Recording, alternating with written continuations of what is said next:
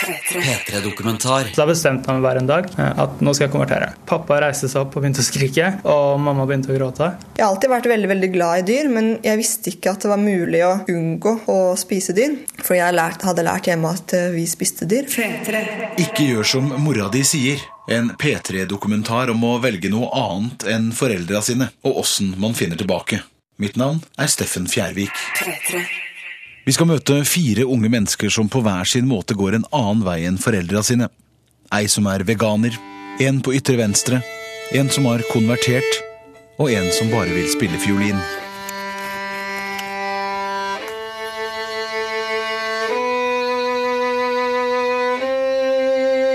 Han som bare vil spille fiolin, heter Charlie Siem. Og her driver han og varmer opp før han skal spille i Oslo konserthus. Charlie hadde ikke trengt å gjøre det her. Faren hans, Christian Siem, han er så rik at Charlie strengt tatt kunne levd på penga hans. Så når Charlie står her og varmer opp, sliten og influensasjuk og alene med instrumentet sitt på et bakrom, så er det fordi han vil noe annet enn faren sin. Han skal greie seg alene. Men det er lett å tenke at han har det akkurat som alle oss andre. At han lurer på åssen det skal gå. At han tviler. Everyone has doubts. and I have had many doubts too, but your doubts is your, when you overthink. If you let your mind stay on, switched on, it's going to come up with many doubts. It's going to come up with many negative thoughts that will compromise you. That's why it's important to switch off your mind. Det nærmer seg konsert, og dirigenten Rune kommer for å lese noter og for å diskutere litt. Yeah, uh, uh, about how quick is it? Dun, dun, dun. It's kind of uh, smaller show, a show around Yeah, a minute. dun, dun, dun, dun, dun, dun. Okay, so I might do it in eight for the orchestra so Yeah. they can easier follow. Yeah, um, it will be a big uh, El Agando Yeah, good, good, good. yeah. Yeah, super, super. So it should be fine. I think you've really got to be dead to cancel because ultimately you will get more ill and it will be uncomfortable, but um, you can get up and play. So I didn't really consider cancelling. It was just bloody unfortunate that I happened to get this um, start of the new year When are you ready? with a fever I'll- and I'll just- stomach can I warm up for- everything. have I got ten minutes or something? Yeah, we, we can start a little bit with the orchestra and then you come when you're ready. Yeah, I'll just just quickly check. I can Yeah, yeah, yeah, I'm it's no- still got my movements. Yeah, yeah, yeah, yeah. Okay. So Thank you, get uh, okay, see see you you in a soon. We, we start with Vital. It's okay. Great, And- perfect. Okay, yeah, super. Thanks.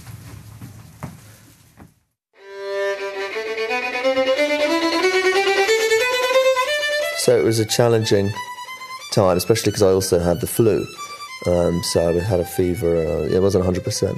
So um, all of that added together created a few nerves. So warming up is really about doing simple motions, just getting the flow, the physical flow, and then also the kind of the right energy flow that doesn't involve thinking about what am I doing, where am I, what is this all about, what's the point of this, who's what are they going to think of me when I'm doing it? You know, you've got to switch all that off. Hei, jeg er fra NRK. Jeg skal intervjue en kar som er oppe hos dere. Ja, kom inn i tredje etasje. Der er dere. Mens Charlie varmer opp og kobler ut tankene, så skal vi møte Josef Asidik. Hallo, Steffen. Hei. Bra. Du er her, du, altså. Ja, jeg er her. Hei. Hei, Jeg syns navnet hans er ganske fint, egentlig. Det betyr en som tilgir og er en god venn. Og det er ikke tilfeldig, det, fordi Josef har valgt navnet sitt sjøl. Skal dere gjøre intervju, eller har dere gjort intervju? Jeg skal gjøre intervju. Ok. Kan jeg bare være flue på veggen, jeg, da? Isak, ja, det Steffen. fint. Hei. Hei, hei. Hyggelig. Han het egentlig Per Barto Hansen, og han er altså heilnorsk og fikk en kristen oppvekst. Sånn eh, med Bibelen i hylla, men kanskje ikke på nattbordet, hvis du skjønner hva jeg mener. Kjerka på julaften, men eh, kanskje ikke hver søndag. Sånn typisk norsk statskirkekristen. Men nå er eh, Josef muslim, og i dag er han innom en radiostasjon i Oslo for å fortelle om islam. Mye av dette her kommer til å klippes vekk. Alle de første hvor kommer islam fra. Sånn jeg bare Ja. tar det bare for å starte. Skjønner. Du hører Babel med Isak Trekrem, og i dag har jeg besøk av Josef Bartho Asidik. Hei. Hei. Du, du er muslim. Stemmer. Du konverterte for et par år siden. Er i 2009. 2009. En nordmann som har blitt muslim er jo fortsatt såpass eksotisk da, at det blir en del intervjuer. Men etter intervjuet med Isak i Radio Norge, så tar Josef og jeg en prat om hvordan alt sammen starta, hjemme på Nøtterøy i Vestfold. På hjemstedet hans, der mora sitter i menighetsrådet, og den den gangen 18 år gamle Per, altså Josef den gangen, ikke akkurat lå an til å bli muslim, for å si det sånn. Ja, altså Det starta egentlig med at jeg satt på en fest. Av en merkelig grunn så begynte jeg å tenke på at uh, At uh, Hva skjer med livet mitt? Begynte jeg å tenke på. Det her gjør jeg hver eneste helg. Jeg gjør jo ikke noe annet. Det er liksom det her alt livet handler om? Dra på fest hver helg, være med venner. Og så begynte jeg å tenke litt på det, og så tenkte jeg litt på det noen flere dager. Og så tenkte jeg at nei, nå skal jeg begynne å lese litt om, om religion igjen. da, Verdi, Verdimessige ting. Og så tenkte jeg at eh, jeg starter med islam. Eh, og grunnen var egentlig at eh, jeg ville bli fort ferdig. Jeg tenkte kvinneundertrykking, vold, alt jeg hører på TV var liksom negativt. da. Så jeg tenkte at vi starter der. Fordi jeg hadde egentlig tenkt å lese meg gjennom alt. Så jeg tenkte å starte med det jeg kunne utelukke først. Det ble noen drøye runder der Per brukte mye tid på å diskutere islam på nett, og han sier sjøl han er en kverulant og sånn. Og til slutt Og til slutt så ble jeg spurt om, eh, om jeg kanskje ville komme innom moskeen. da. For å snakke med imamen, altså den muslimske presten. Så satt jeg ned med en imam, og der satt jeg vel i åtte timer. eh, Og kom med alle spørsmålene jeg hadde, all den kritikken jeg kunne komme på.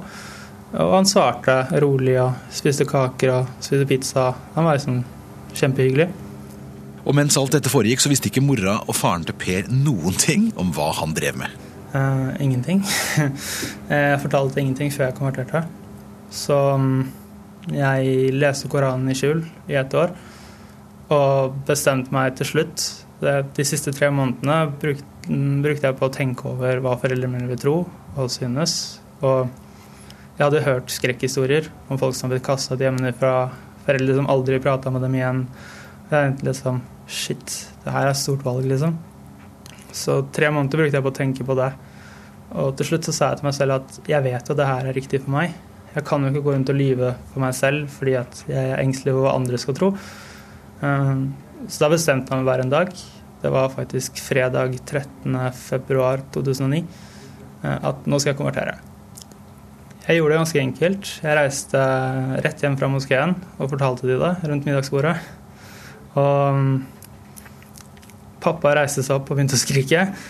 Og mamma begynte å gråte. Ja, det ble en middag de husker hjemme på Nøtterøy, det. Men la oss forlate familien til Josef litt, da. Men likevel holde oss til mat. Jeg har alltid vært veldig veldig glad i dyr, men jeg visste ikke at det var mulig å unngå å spise dyr. For jeg lært, hadde lært hjemme at eh, vi spiste dyr. Det var sånn det var. Heidi Røneid er veganer, men hun er ikke født sånn. Hun har blitt sånn.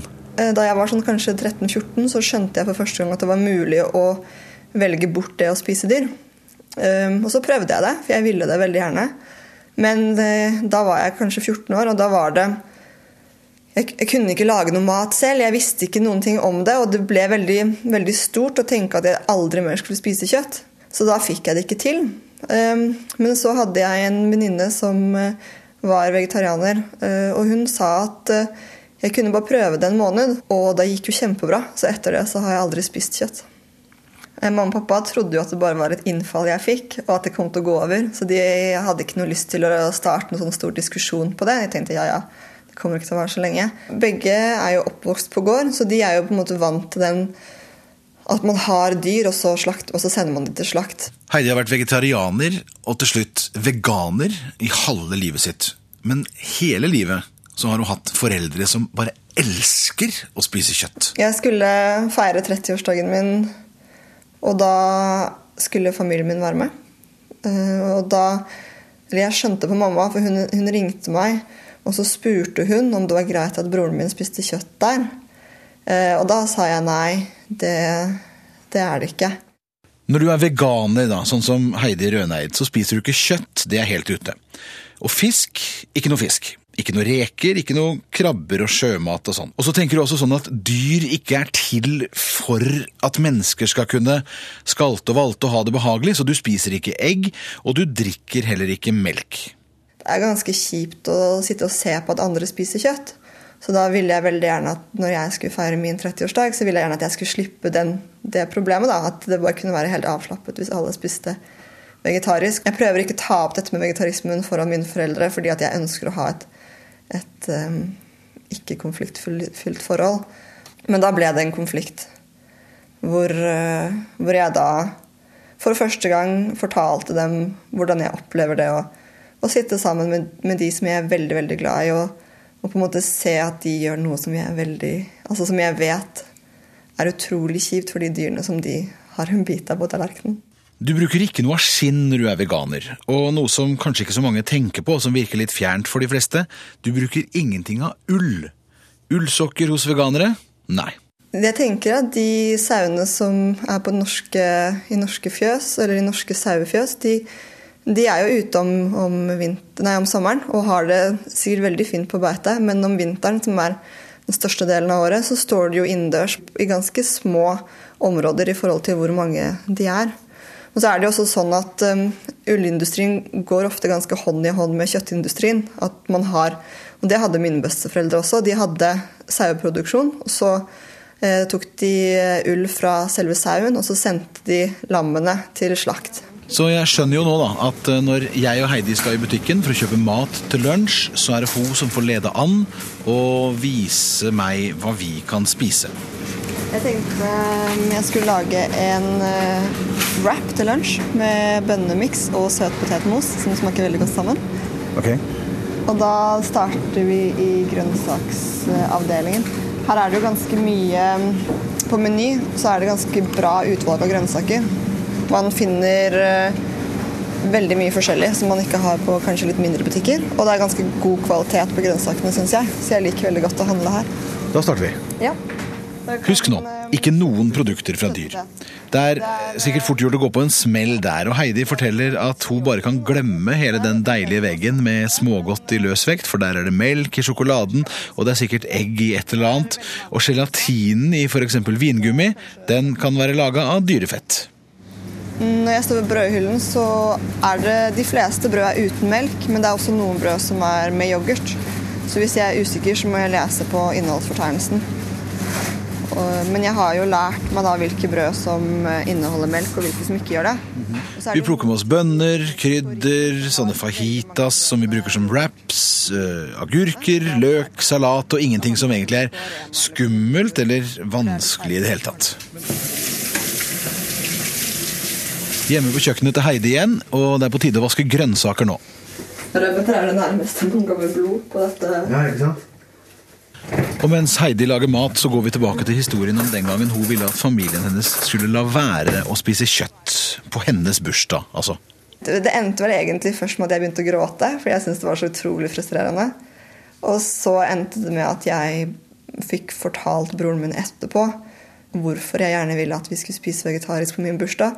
Og det skjønte han kjempegodt. Eh, og så fikk jeg også forklart det til til, til faren min og, og, sånn, og det gikk eh, Og de skjønner jo det, men det var bare det at jeg tror nok at de kanskje følte seg litt angrepet fordi at jeg faktisk sa Altså jeg sa fra på en veldig rolig måte at, at jeg syns det er trist, for jeg syns det er trist.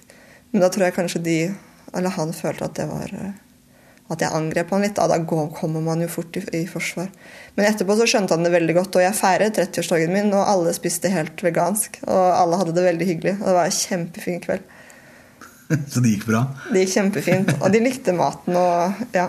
Og så er det vel sånn da at når du ikke kan dunke i deg alt det du kommer over eh, helt uten videre, så blir du antagelig mye flinkere til å lage mat sjøl. Det slår jo positivt ut for meg, da, siden jeg får spise et par sånne wraps som Heidi har lagd, med bønnemos og grønnsaker og deilige krydder og ferske rødbeter. Jeg visste ikke at det var så mye smak i ferske rødbeter. Jeg tar litt til, jeg. Mm. Det var veldig godt, altså. Så bra.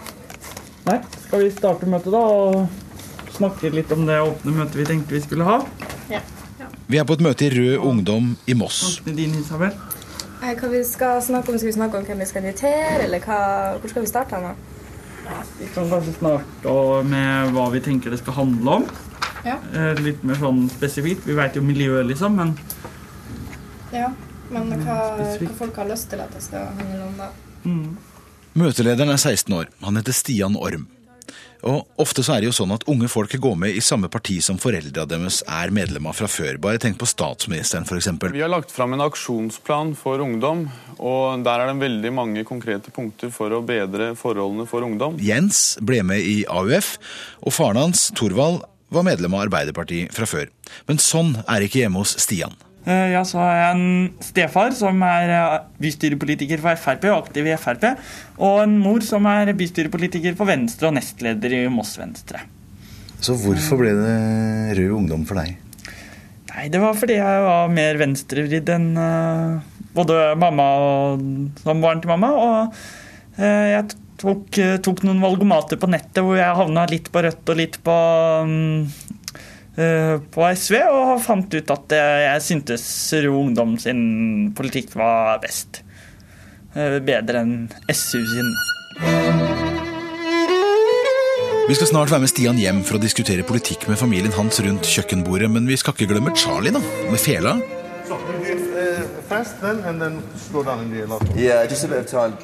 Charlie er halvt norsk, han bor i London, og han snakker vel ikke så mye norsk. Har du wienerpølse her? Jeg kan se det. Med lompe. Um, jeg skal ta to wienerpølser med lompe. Um, med sennep og ketsjup. Det at Charlie spiller fiolin, det har han valgt sjøl. Ingen av foreldrene hans er musikere, men jeg nevnte vel at faren hans er søkkrik businessmann. Kværner sine hovedeiere, rådgivere og banker har vært i møter for å freiste å redde konsernet. Du har kanskje hørt navnet hans på radioen når store selskaper skal reddes fra konkurs og sånn. En av de som springer til og fra disse møtene, er storinvestor Christian Siem. Det vet jo at vi eh, henger i. Eh, Og her er det mange som har gjort eh, godt arbeid. Og det er jo ofte sånn at det fører til noe. Men ingen pappapenger i verden hjelper Charlie akkurat nå.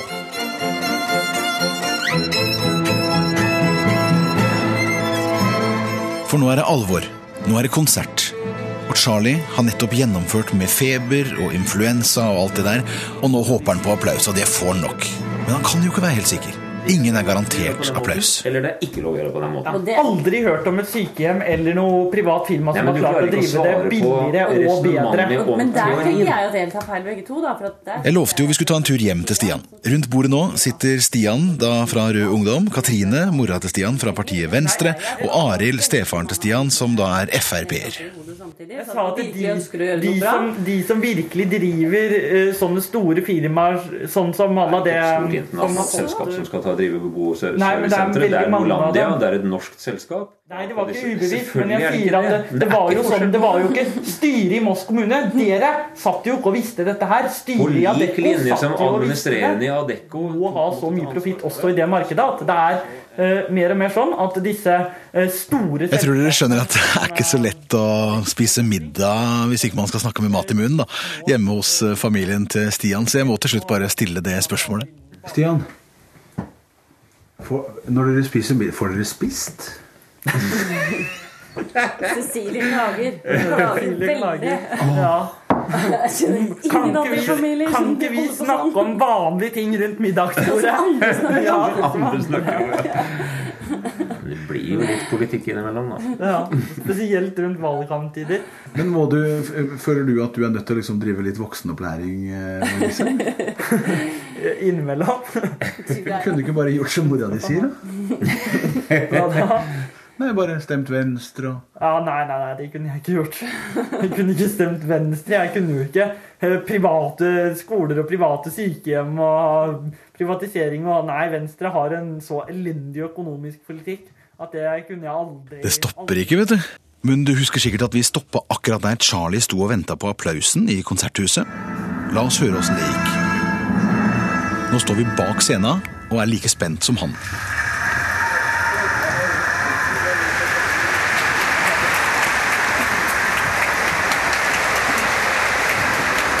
Guess you have to go one more. Go one more. Okay. Ekstratur ut for å bukke, det gikk jo bra, da. Masse applaus. Thanks. En influensasjuk Charlie rusler inn i garderoben og er egentlig ganske fornøyd. Det er jo dette her han har drømt om siden han hørte fiolin på radioen første gang, som treåring. Well, the violin, in many ways, was um, fairly random how it came to me because I heard it on the radio and I wanted to play. Didn't have musical parents or uh, any particular um, inspiration other than the radio. There was no person who would have suggested or encouraged me to play the violin. So I guess the violin chose me. Mange tenker vel det at Charlie helt sikkert kunne blitt akkurat hva han vil, så lenge faren hans er så rik. Han kunne fått en jobb hos far, men har valgt å stå flere timer hver dag da, og øve på fiolin isteden. Så det har aldri vært aktuelt for Charlie å få jobb hos uh, fattern. I don't know. I mean, it's not something that I would could think about now. I mean, I'm not trained in that at all, and it's not something that at the moment is a uh, is a is a concern of mine. You know, um, I just I play and do my thing. How important is it to your parents that you can be successful in your own right? Do you think? I think it's very important, I guess, to all parents that um, their kids find something that they excel at, find something that gives meaning to their life, so that they can be happy and, you know, um, feel fulfilled. I don't think it matters what it is that you do; it's how you do it and what you get out of it. And uh, it could be, it could have been that, that it was working for my dad, and that was the thing. But you know, for me, it was the violin. With your privileged background, it would be easy to think that you could slide into some comfortable uh, living and grab your dad's money and go off to uh, Saint Tropez. you could. Well, no, I mean, I, I, I couldn't actually in my situation because my dad would never let that happen. He's not like that, um, and I'm glad that I've never been interested in going down that route. You know, it's a cliche, but money's not going to make you happy. It's not going to give you, especially if it's not money you've made. It's never going to give you a sense of fulfillment or satisfaction. What really is the greatest richness of all is is finding something that you can do and you can get better at and you can change the world with. Jeg kan jo ikke lese hele, da. Nei, jeg trenger ikke det. Bare... Når Josef og jeg står ute på gata etter intervjuet, så er det jo ingen som ser at han er muslim. Han ser ut som en fra Nøtterøy. Men på Facebook, der får Josef høre det, altså. Det vel, ok. Ok, jeg kan prøve. Hør her, ditt forpulte rasshøl. Hvis du ikke stopper å skrive dritt om heltene i Sian og NDL, som faktisk er de eneste her i landet som tør å kjempe for hva som er rett, så kommer vi til å rævpule deg hardt og lenge før vi slenger deg til grisen. Du er verre enn de skitne muslimhorene i din landssvike faen. Du burde blitt avlivet som alle de andre svina, synd du ikke ble knerta 22. juli. Dette er din siste advarsel, muslim faen.